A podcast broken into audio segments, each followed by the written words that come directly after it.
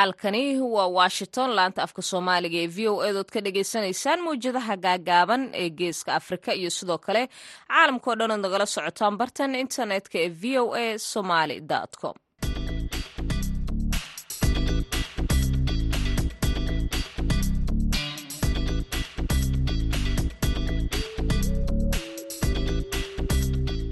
duhur wanaagsan dhegeystayaal dhammaantiinba xaggiina waa kowdii iyo barkii duhurnimo xilliga geeska afrika. Lixdii iyo barkii subaxnimona waxa ay tahay magaalada washington ee d c. Waa maalin khamiisa labaatanka bisha oktoobar sanadka labada kun iyo labaiyo labaatanka idaacadeena duhurnimo ee barnaamijka dhallinyarada maantana. Waxaa idinla socodsiin doonta anigoo ah sahra cabdi axmed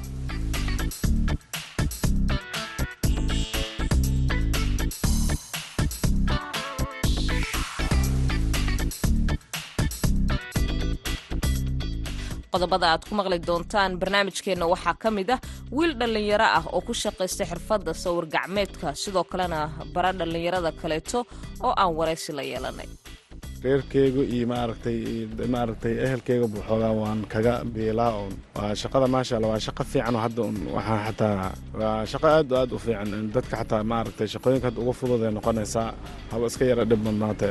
Waa laga shaqey karaa wayna fiican. Waxaad sidoo kaleeto maqli doontaan warbixin ku saabsan urur gabdhaha ay leeyihiin oo ay ku midaysan yihiin oo la yidhaahdo himilo oo gobolka bari hoggaan doortay. Qodobadaasi iyo barnaamijka dhinacii heesaha ayaan idiin haynaa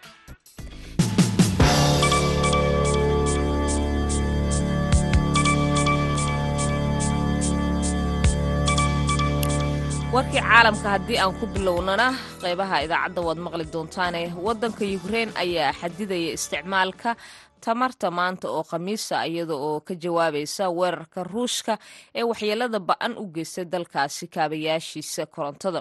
Madaxweynaha waddankaasi ukrain valadimir salaski ayaa waxaa dadka uu ku booriyey in isticmaalka korontada ay ilaashadaan islamarkaasina waxa uu u jeediyay hadalkaasi goor dambe oo gelinkii dambe oo xalay ah waxaa salaski uu sheegay in dowladdiisu ay ka shaqaynayso sidii ay u abuuri lahayd goobo kaabayaasha muhiimka u ah magaalooyinka si markaasi looga baaqsado.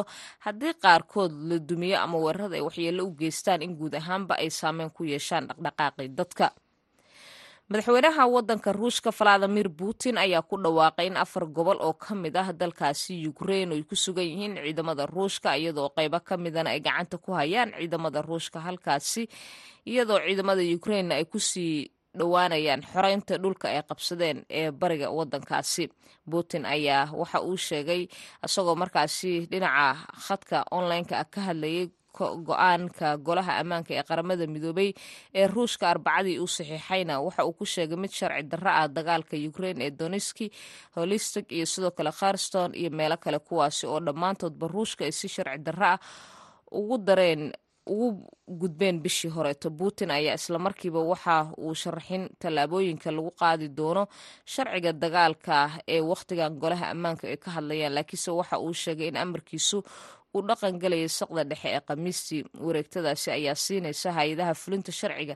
Saddex maalmood inay ku soo gebagabeeyaan ujeedooyinkooda gaarka ah. Tallaabada putin ayaa timid iyadoo hogaanka ruushka uu ku rakibay gobolka khorston ee koonfurta ukrain wuxuu ku sheegay inay bilaabayaan daadgureen tobanaan kun oo dad oo rayida iyo saraakiisha moscow oo ay soo magacowday iyadoo markaasi kordhin ay u tahay taasi ciidamada ukrain valadimir saldo ayaa arbacadii sheegay in in ka badan shan kun oo qof ay ka baxeen gobolka labadii maalmood ee la soo dhaafay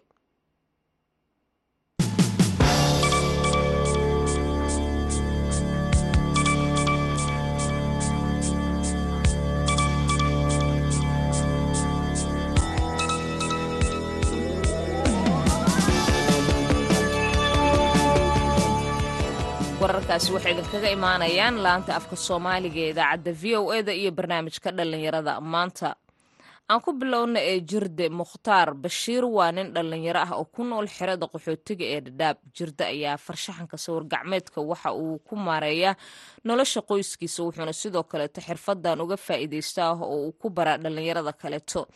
Jirde ayaa dhadhaab wuxuu ugu waramay wariyaha v o eda axmed nuur maxamed cabdulaahi iyagol waxaa ka mid tahay dhalinta ku nool xirooyinkan dhadhaab khaasatan xagadheere ruahaantii shaqadeydu waa artist waa gacan ku sameys. Waxaan sabiraa derbiyada maaragtay qoraalada iyo walmerarkaan sabiraa. Ru ahaanta shaqooyinkan waxaa umadaaba in hadda qaxootiyada marka koronaha kadib kaskas ay u soo maaragtay shacbaxayaan balse hadda ilaa haddana maaragtay waa wada shaqaysanaa gruub ahaan waa u shaqaysanaa qof kasta shaqadiisuna wuu shaqaysaa marka waxaad ka mid tahay dhallinyarada ku nool xeryahan qaxootiga ee dhadhaab waxaad ku shaqaystaa xirfadda dhanka sawirka. Marka ka waran noloshaada maxay ka bedeshay shaqadan? Ru ahaanta wax badan wax badan. Maasha allah reerkeygu iyo maaragtay maaragtay ehelkeyga buxoogaa waan kaga biilaa un waa shaqada maasha allah waa shaqo fiican hadda un waxaa xataa waa shaqo aad aad u fiican. Dadka xataa maaragtay shaqooyinka hadda uga fudud ay noqonaysaa haba iska yara dhib badnaata waa laga shaqay karaa wayna fiicanta marka nin dhallinyaro xero qaxooti jooga oo ku shaqaysanaya xirfadda dhanka sawirka maxay uga dhigan tahay? Wallahi wax weyna uga dhigan tahay. Waayo aday qaxooti tahay haddii wax kale tahay waxaa kuu fiican xirfadda adiga un asal u leedahay. Ama xirfad oo muhiima oo maaragtay meel kastaa joogto aad kaga caana maali karta inaad shaqaysato weeyaan. Dhalinyartana waa maaragtay waa wax weyn u tahay xirfaddan. Waayo dadka qaar maaragtay ma jecla xirfadda balse waa xirfad fiican. Marka shaqooyinka dhanka sawirka ee tusaale ahaan oo kale maxaa ka mid a shaqooyinka aad qabato gudaha xerooyinkan qaxootiga ee dhadhaab ma dadka qaxootiga aad u qabataa mise dadka deegaanka sidoo kale hay'adaha u samaysaa? Niyo waxaan bada u qabtaa dadka qaxootida kuwa hadda meherado yar ku leh suuqa iyo dhinacan suuqa xaga dheer oo kale iyo fii dhagaxley meheradooda iyo waxay alaabyada yar ay ku gadaan sida bagaashka bariiska baastada sokorta ku xasan ku sawiraa waxaa kaloo jirta imbeesada sida dadka qaar hadda oo deegaankaoo kale imbeesooyinka iyo meelaha qaar goobaha maaragtay waxbarashada oo brefada oo brefetka loo leh waan ku sawiraa waxyaala badanaa jiro un waxawaaye qaxooti iyo deegaan kulli waan wada sameynaa balse maalmahan hay'adahu ma aqaan bajetkia yar un wax hadda noo dirsadaan ma lahan marka xirfadan ee dhanka sawirka ma waxaad ku baratay gudaha xerooyinka qaxootiga ee dhadhaab mise intaada imaan xeryahaad baratay? Aniga horta xeryahana ku barbaaray ilaa haddaan joogaa aabahayga xirfadan ka dhaxlay un qaarna xoogaa xirfad iskuol baan u galay oo hay'adan oo d r c an adi tobabar ilaa lix birna tobabaraysay oo digital artist mediana baranaysay marka sidaasaan ku bartay. Waxaad ka dhawaajisay inaad heshay tobabar dhanka sawirka sidoo kale sida digitaalka amaba casriga marka markay timaado horaan xirfadaad ku shaqaysan jirtay dhanka sawirada iyo tobabarkan intaad qaadatay.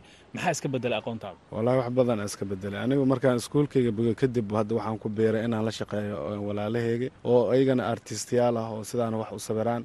Kadibna aan helo maaragtay xirfadan maaragtay fursadan aan ku barto sida sawirka loo qaado sida wax loo sawiro digitaalka graphic designka marka ruahaanta waa wax weyn oo muhiim u ah inaan oo aad aad sii balaariya xataa doonaya shaqadan oo xirfadan aan sii badiyo waxaad wataa qalabkii aad wax ku sawirweysay ama aad isticmaalaysay subax kasta gurigaaad ka soo kacdaa suuqa xerada qaxootiga xaga dheer baad imaataa. Marka subax walbama waxaad u diyaargarowdaa inaad qabato shaqadan ha subax walba waxa waaye anaga nooma kala go-ono subax iyo galab iyo haween un shaqada markaas meesha ay ka diyaar tahay aan wakhtigeeda ku qabanaa. Ma jiraa markii laga tago xirfadaada inaad adiga aad baratay sidoo kaletana aad nolol maalmeedka qoyskaaga aad ku hesho. Ma jiraa dhallinyaro kaloo ku nool isla xeryahan qaxootiga ee dhadhaab gaar ahaan xeradan xagar dheer ood oga faa'iidayso xirfadaad baratay dhanka sawirka ha way jiraan? Dhalinyaro fara badanaa jiro. Hadda xirfadooyinka qaarkooda ma aragtay ka jeclaysta inay xirfadan u bedeshaan qaarkoodna hobbigooda artistka waana ku caawiya waana baraa inta aqoon aniga leeyahay ayagana waan la baraa waan isla qaybsanaa. Marka markay timaado xirfadan dhanka artistnimada ama inaad markaasi wax sawirto waxaad sheegtay in markaasi shaqaabuurkaaga uu ku tiirsan sida dukaamada iyo goobaha ganacsiga xeryaha walow mararka qaarkada hay'adaha samafalka aad borarka iyo furimaha ay bulshada qaxootiga ay gaadhsiinayaan. Aad sidoo kale markaasi qaab sawira aad ku soo bandhigto. Marka caqabadaha kula soo dirsa maxay tahay? Caqabado fara badan soo dirsa hadda xerooyinka dhadhaab waa dad fara badan oo kale nooco aada degan dadkaasna sidooda badan waxa waye haddii adiga aada sabirto sabir fariin wado oo hamahayad ay ku dirsato waxaa laga yaabaa sabirkaas inuu muuqaal qof kale oo isku xaafad tihiin ama qof kale u ekaado. Marka waxaa dhacda macnaa qol qofkaas markuu u ekaado inuu adiga markaas oo kula soo duulo oo isku daya xataa inuu adiga wax ku yeela maadaama sabirka aad sabirtay oo qof uu ekaane waayo waa bani aadan mogtahay markaad sabiraysa in qofka dariska aad tihiin mise qofkaasna wuu diidaya. Caqabadooyinka waxa waaye sabirka aad sabirayso hadduu qof u ekaado aa ugu daran taas caqabade waayo qofka waxaa laga yaaba inuu kula tiigsado xataa kugu maxkamadeeyo. Aad askar kula waxeys adigana maka ahayn qofkaas sawir. Muuqaalkii u akaade marka caqabadooyin ugu weyn waxa waaye muuqaalka dadka markuu akaado inay hadhow ayaga maaragtay ay u fahmaan fariin qaldan in ayaga ka gudbinayso kale. Ugu dambayntii marka rajadaad ka qabta maxay tahay xirfaddan inaad horumar ka samayso? Rajada aan ka qabdo waxa waaye inaan hadduu ilaahi ra mustaqbalka aan sameeyo hay'ad oo artist keliya artistyaal leh wax u qabato dhalinyaro wax barto artist ah oo adduunka dhan maaragta laga garanaya inaan aniga hogaamiye u noqdo ama aan u noqdo maaragta ofisaaga hadduu ilaahi ra insha allah.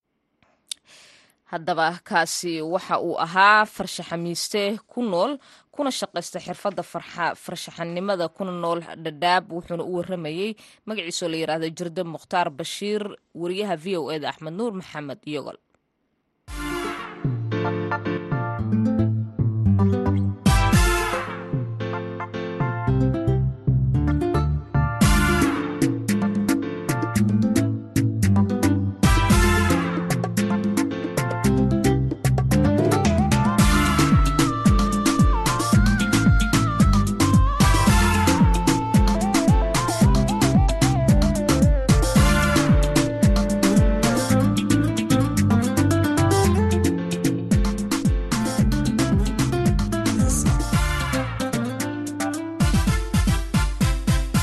dulqaad ixtiraam leh danay isxilqaam ducaysanada leh dabeecad wanaagsan leh adiga hormooda hormooda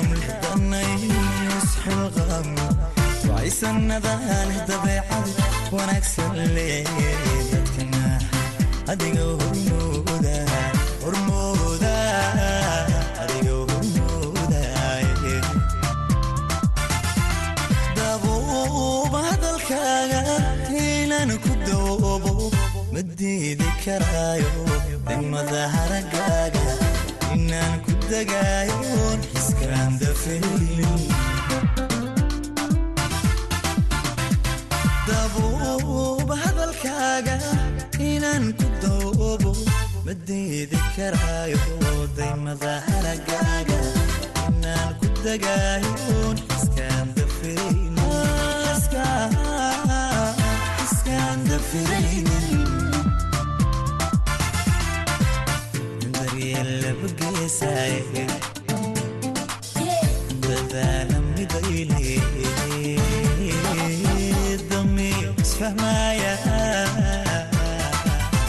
ayaa isdaraysan dadka iska doortay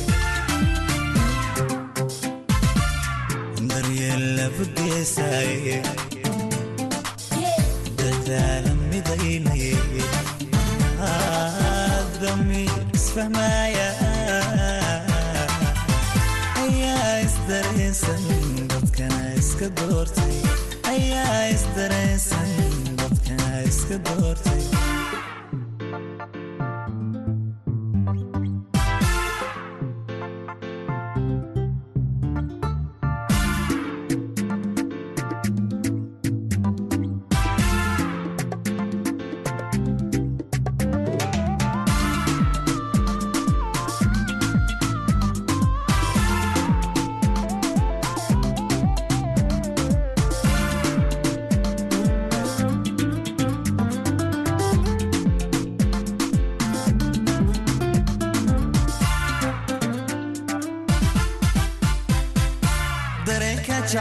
jacaylka ku duugan macanka sheen midda cadaweye dubka qarin waaye. Dushana ka muuqda weye dareenka jacaylka ku duugan macanka sheen midda cadaweye dubka qarin waaye.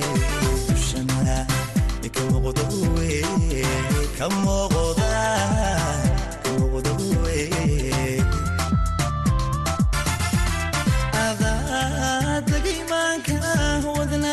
dacalkiisa darmaa ku taala dibinaha qusulkooga waxaa tahay dawooy sababtaa ka dambaysa.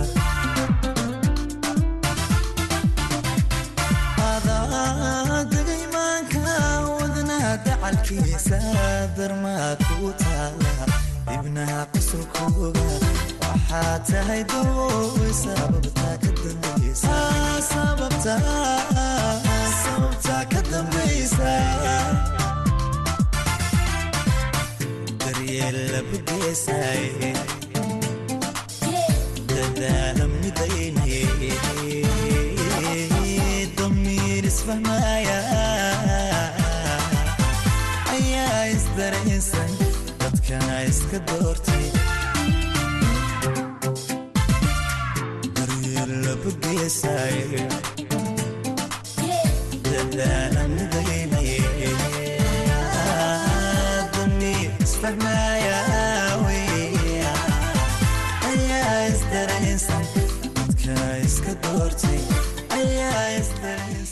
dayn iyo guuleed simba heeskaasi haddaan intaasi kaga gudubno qodobadii wararkeena dhinaca kaleeta haddaan sii gudagalno ururka dhallinyarada gabdhaha himilo ee gobolka bari ayaa waxa ay doorteen hoggaan kadib markii doorasho ay ka dhacday degmada carmo ee gobolkaasi. Warbixin amuurtaasi ku saabsan waxaa soo diray wariyaha v o eda boosaaso yuusuf maxamuud yuusuf.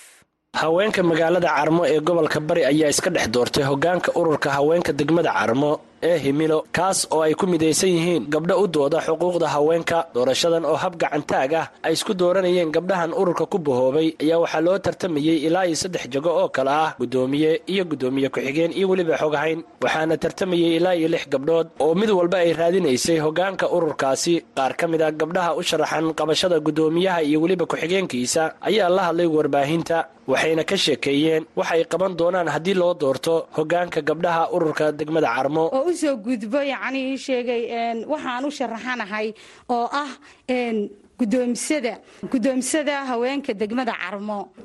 Ururkan waxqabadka iiga aadan runtii. Urur alle subxaana watacaala yacni waxaanu muxuu ahaye amrin sameeya.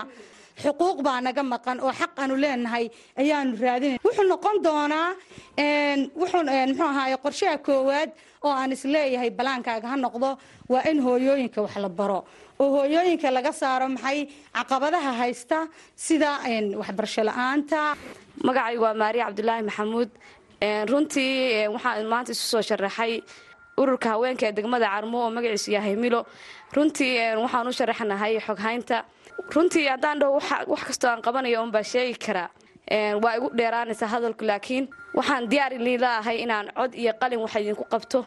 Runtii maadi iyo diinina waa ka dhammahay waxaan ahay qof dhallinyaro ah maskaxdeedu taam tahay. Maasha allah haddii xil loo dhiibo ka soo bixi kadha waxaan hadeer meeshan kaga hadlaya ama u soo istaagay inaan ka hadlo inaan u sharaxnahay xoghayn ururka haweenka degmada carmo himilo. Guddoomisada guddiga doorashada ururka haweenka degmada carmo seyne maxamuud siciid ayaa markii doorashadu ay soo ilaatay ka hadashay natiijada codadka la kala helay waxaa tartamayay lix gabdhood oo u tartamaya saddexda xil. Guddoomisada waxaa u tartamaya aamino jaamac ciise iyo caasho maxamuud muumin. Waxaa labaatan iyo lix cod heshay aamino jaamac ciise halka ay heshay caaisho maxamuud muuminna sagaal cod. Halkaas waxaa ku guulaysatay aamino jaamac guddoomisanimadii aamino jaamac siciid oo ku guulaysatay hoggaanka ururka gabdhaha ayaa sheegtay inay ka shaqayn doonto sida ay ugu doodi lahayd xuquuqda gabdhaha. Aad iyo aad ayaa u mahadsantihiin xilkan ay ii doorateen alle subxaana watacaala waxaan ka baryayaa inuu ii fududeeyo qabashadiisa. Ininkana dabcan waxaan nahay hal jir oo yacnii isla socdaa ama hal urur oo yacnii hal wax ka wada duulaya. Insha allah waxaan leeyahay waxaan leeyahay mas'uuliyadda allah inoo fududeeyo. Insha allah waxaynu ku shaqayn doonaa saan sheegay cadaalad horumar iyo sinaan. Qaar ka mid a ka qaybgalayaashii ka qaybgalaya doorashadan ayaa aragtidooda weydiinay. Iyo siday u arkaan habka doorashada ay u dhacday iyo weliba waxa laga filan karo gabdhahan hoggaanka ururka haweenka loo doortay. Waxaan aad ugu faraxsanahay doorashada ka dhacday maanta meeshan oo ah qof iyo cod qofka ay rabeen bulshada iyo haweenka reer carmo ay soo saarsadeen aad baan ugu faraxsanahay. Walaalahaygana si khaas ah ayaan ugu hambalyaynayaa. Waayo waxa waaye anigu ay iga wada duwan yihiin dadka kale saddexda qof ee soo doorateenba waa tiim aniga ila shaqeeyey. Si fiican aan u aqaano wax badan baan ku taamaynay muddo laba sano ku dhow. In aan dooranno xubnihii na daadihin lahaa ee na hogaamin lahaa ee aan ku nasan lahayn ee aan kaga haqabi'i lahayn baahiyaha jira. Runtii ilaahay baan uga mahad celinayna alxamdulilaahi rabbilcaalamiin galabta waxaan ku guulaysanay oo ilaahay noo suurtogeliyey in aan dooranno xubno waxtar ah dadkooda iyo deegaankooda wax u qaban kara. Yuusuf maxamuud v o e boosaaso mahadsanid yuusuf markana dhinacii ciyaaraha ku soo dhowaada waxaa inoo haya faarax maxamed cali.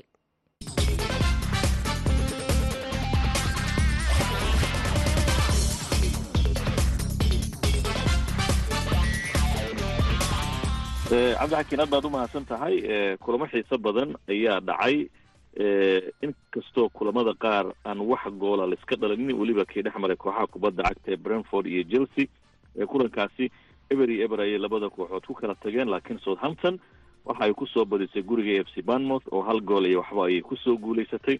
Kooxda kubadda cagta ee liverpool oo toddobaadkii hore ka soo adkaatay manchester city kulan kale ayay gurigeeda habeenkii xalay ah ku ciyaartay westham hal gool iyo waxba ayay kaga badisay. Inkastoo kooxda kubadda cagta ee westham ay rigoore iska khasaarisay oo ciyaaryahanka la yidhaahdo bowden bowen aan idhaahda uu ka khasaariyey sidaasina saddex dhibcood oo xiriira ayay kooxda kubadda cagta ee liverpool. Ku heshay newcastle united?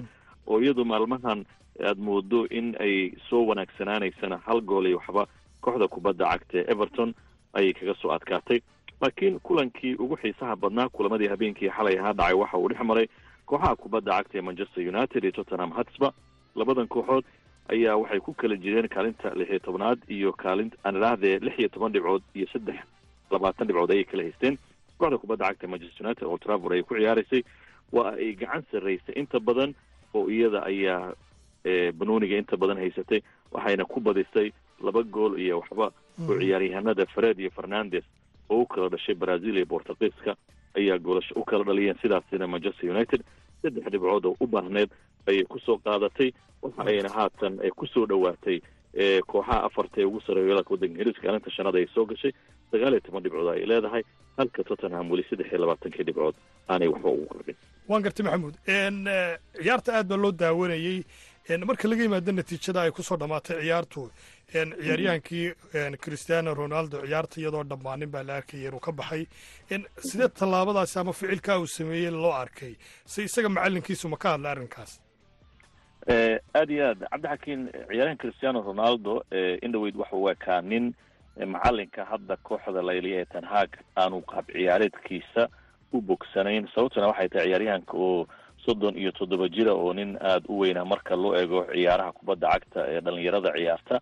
Inta badan marka macalinkani dhalinyaro yaryar fudud kubadda aada ula ordaya ayuu inta badan garoonka soo gelinayay. Marka habeenkii xalay ahaa kulanka ma aanu ku jirin ciyaartooyda ciyaaraysa kursiga keedka ayaa la fariisiyey. Kooxduna si wanaagsan bay u ciyaartay. Waxaaba la ohan karay habeenkii xalay waxay soo bandhigtay kubaddii ugu wanaagsanayd ee kooxdu la soo bandhigo.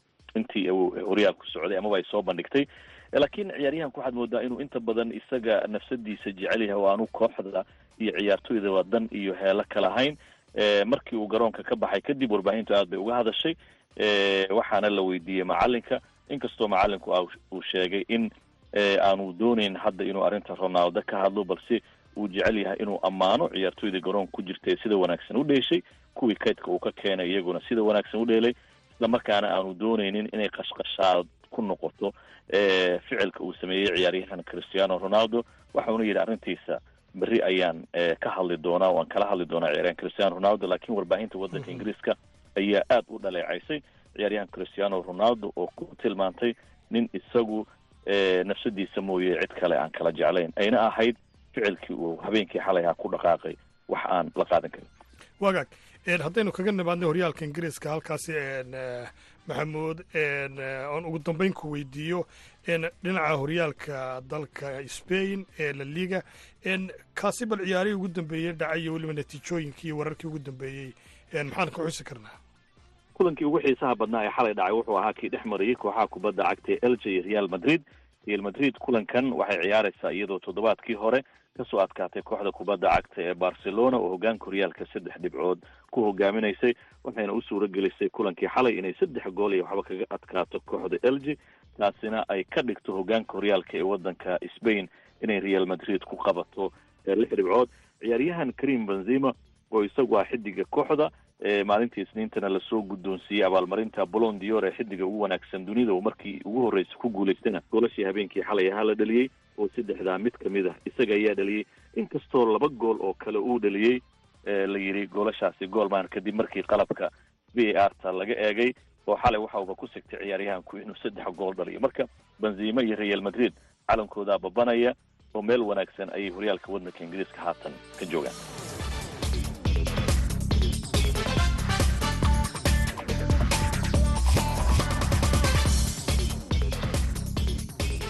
xubintaasi ciyaaraha ooy si wada jira noola socodsiinayeen cabdixakiim maxamuud shirwac iyo sidoo kale maxamuud mascade intaasi aan kaga gudubna haatanna ku soo dhowaada. Fanaanka codka baxsan maxamed xasan xuseen lafool iyo heeska qalbi lula